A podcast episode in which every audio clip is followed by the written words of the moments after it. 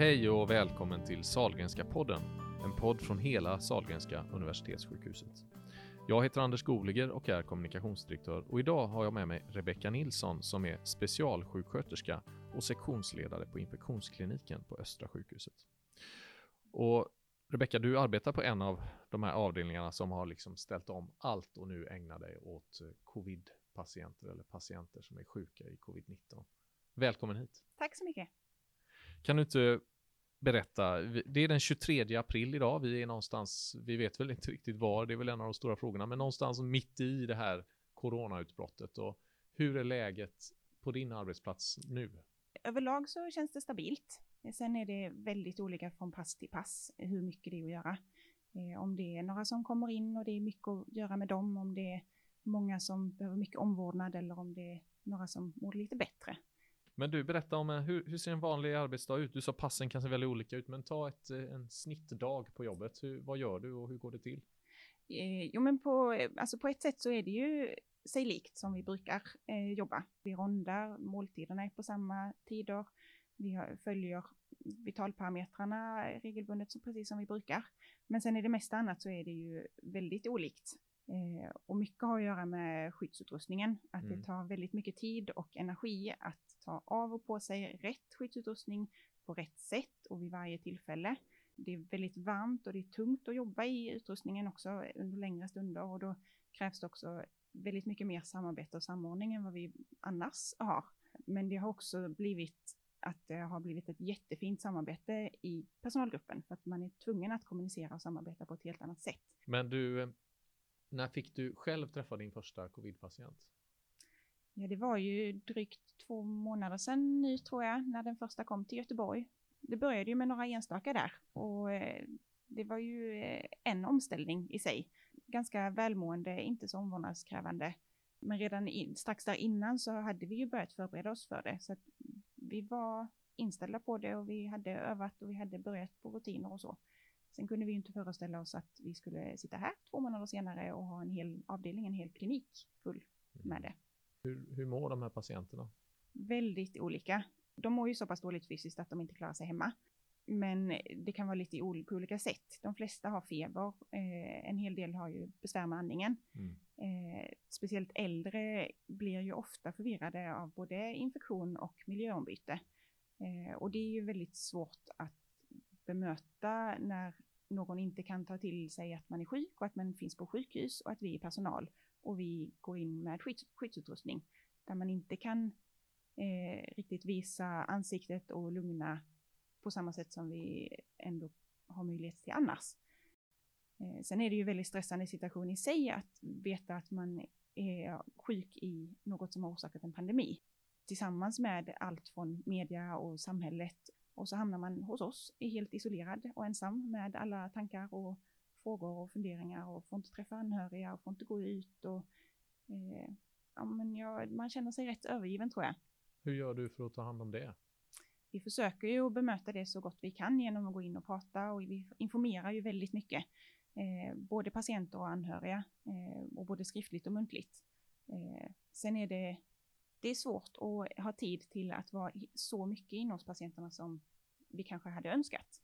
Eh, för att det är så resurskrävande att gå in och ut och ta på av sig och, och eh, ändå hinna allt ute som ska göras utanför patientrummet. Mm. Och det är ju mycket eh, anhörigas perspektiv också, att man, man läser mycket i tidningarna, man ser mycket i media och så vet man att ens närstående ligger på sjukhus i den här infektionen.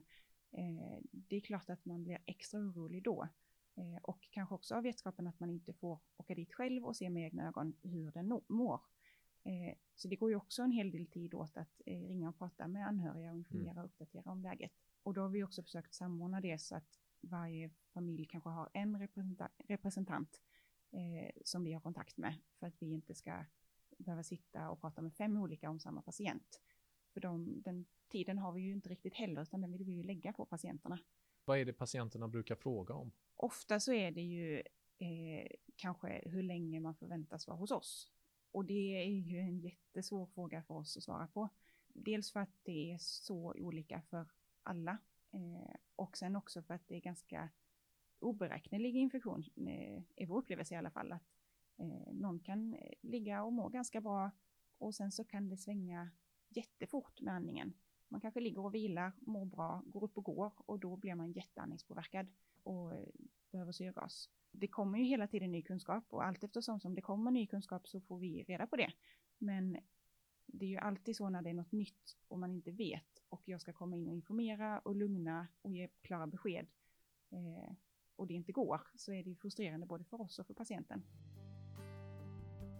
Och sen nämnde du här nu då kort bara de här vägarna härifrån så att säga då. då mm. det, det, finns de patienter som blir bra och skrivs hem, de klarar sig. Jo men det finns det, absolut. Eh, och det, det, finns ju de som ligger ganska kort tid här, några dagar bara, och sen så finns det ju de som, som ligger väldigt, väldigt länge på sjukhuset. Mm. Eh, de kan ligga länge hos oss på vanlig vårdavdelning och sen så kanske de ligger väldigt länge på intensivvårdsavdelning. Vi behöver vara på hugget för att fånga upp och se om det är någon patient som börjar bli sämre. Och då är det framförallt det, det handlar det ju om andningen. Eh, om Hur vi, märks det i andningen? Men om vi ser att en patient eh, andas snabbare eller inte riktigt syresätter sig så mycket som vi önskar. Eh, eller om patienten själv börjar märka att men nu känns det väldigt mycket jobbigare, då kan vi ju kolla syresättningen. Ja. Eh, och om vi då märker att vi under ganska kort tid behöver eh, koppla på syrgas och kanske höja syrgasen, då bör man komma till ett läge där eh, vi behöver börja kommunicera med IVA eh, om att kanske tas över, kanske inte direkt för att läggas på intensivvårdsplats, men för att få annan andningshjälp som de har närmare till hands än vad vi har. Vad är den svåraste situation du själv har hamnat i, tycker du här?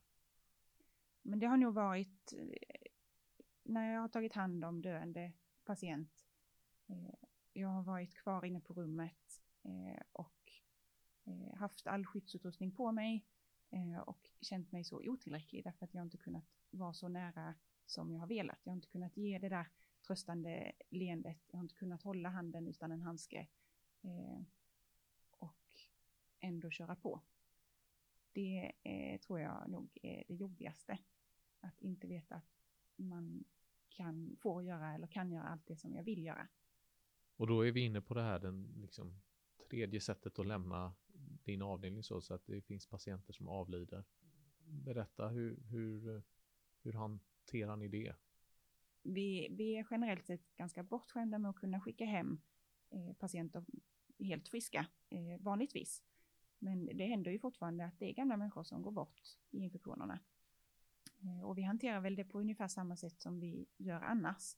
Med att vi, vi reflekterar i personalgruppen och vi, vi funderar på och kan tänka igenom så att vi ändå kan känna att vi har faktiskt gjort allt som vi har kunnat i situationen.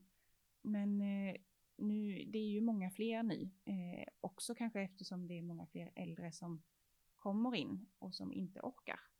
Det är alltid oerhört fint och hedrande att få vara den, bland de sista som en person träffar i, i eh, livet här och att få veta att det är jag som får uppdraget att, att göra den här tiden till den allra bästa för den här personen. Det, det, är egentligen precis samma sak, förutom att man har en helt annan distans med skyddsutrustningen. Och sen är det ju också svårt kanske att hantera anhöriga då, för det är ju samma, man smittar ju så att säga in i döden om jag har förstått rätt. Så att man kan inte släppa in de anhöriga i alla fall hur, hur som helst kanske. Nej, vi har ju, hela Sahlgrenska har ju generellt besöksförbud. Eh, sen när det handlar just om när man kommer till ett läge där man inser att det här kommer inte gå hela vägen, då försöker vi ändå att se till så att anhöriga får chansen att komma och säga sitt farväl. För det är ändå något som vi tror är väldigt viktigt, eh, att få den chansen. Och i så fall så bestämmer vi en tid där vi möter upp och där vi innan de kommer in på patientrummet blir informerade om situationen, om det är något särskilt de behöver tänka på eller om det är någon skyddsutrustning som de behöver ha på. Mm. Eh, men vi försöker alltid ordna så att möjligheten finns. Är du själv orolig för att bli smittad? Eh, nej, jag kan inte säga att jag är orolig för att bli smittad på jobbet. Eh, därför att vi, jag jobbar på en infektionsavdelning där vi hela tiden möter olika typer av smittor och infektioner och vi behöver hela tiden ha tänket med oss. Vad är det jag kommer gå in till? Finns det risk för smitta och hur smittar det i så fall? Eh, och det är på samma sätt nu och allting handlar om basala hygienrutiner. Eh, och det är precis det som vi här på infektionen då kan utan och innan. Eh, nu är det ju lite mer skyddsutrustning till alla patienterna än vad vi är van vid. Eh, så det blir ju lite mer tänk, men det är ändå saker som vi kan och som vi är trygga med. Och då ser inte jag någon anledning för mig själv att vara orolig. Eh, sen kan det ju fortfarande hända att jag blir smittad i samhället, eh, men inte här på jobbet, är jag inte orolig för. Du, du kommer ju supernära den här infektionen då, covid-19 som hela världen pratar om. Mm. Då är liksom sjuksköterska mitt i, mitt i detta. Hur, hur, vad, vad är dina reflektioner om, om covid-19? Det jag har tänkt på är väl väldigt mycket hur olika det kan te sig. Eh, just det här med att vissa är väldigt sjuka och har väldigt lång tid och andra kanske inte ens överlever det. Eh, Medan vissa då har en ganska kort vårdtid och kan gå hem eller kanske till och med klara sig hemma hela tiden. Eh, hur lömskt det är mm. med det och att man inte riktigt någonsin vet hur det kommer att gå för en specifik patient. Och att den här ovissheten, hur påfrestande den är för både oss personal och för patienten och för anhöriga. Eh, att inte kunna ge tydliga svar är väldigt jobbigt faktiskt. Mm. Eh, är det. Men sen samtidigt eh, är jag så fascinerad över den gemenskapen som man ändå kan se har blivit kring den här situationen. Både här på sjukhuset, bland vårdpersonal och sen även ute i samhället. Att alla påverkas på något sätt av det. Eh, och att alla då, eller hur många som vill hjälpa till på något sätt eh, Att alla har blivit så ödmjuka inför varandras kunskap och kompetens och också eh, att man även om man inte känner att man kan göra någonting, hur man då visar uppskattning på ett annat sätt än vad man tidigare har gjort. Att man ingen, ingen tar någonting för självklart. Tack Rebecka Nilsson för att du kom till Sahlgrenska podden idag. Den 23 april är det och vi befinner oss här på infektionskliniken. Jag som har intervjuat heter Anders Goliger och är kommunikationsdirektör på Sahlgrenska Universitetssjukhuset och jag är förstås nyfiken på vad du som har lyssnat tycker om podden. Hör av dig till mig och berätta eller tipsa mig om gäster som vi borde ta eh, med här i podden. Tack för att du lyssnat. Vi hörs igen.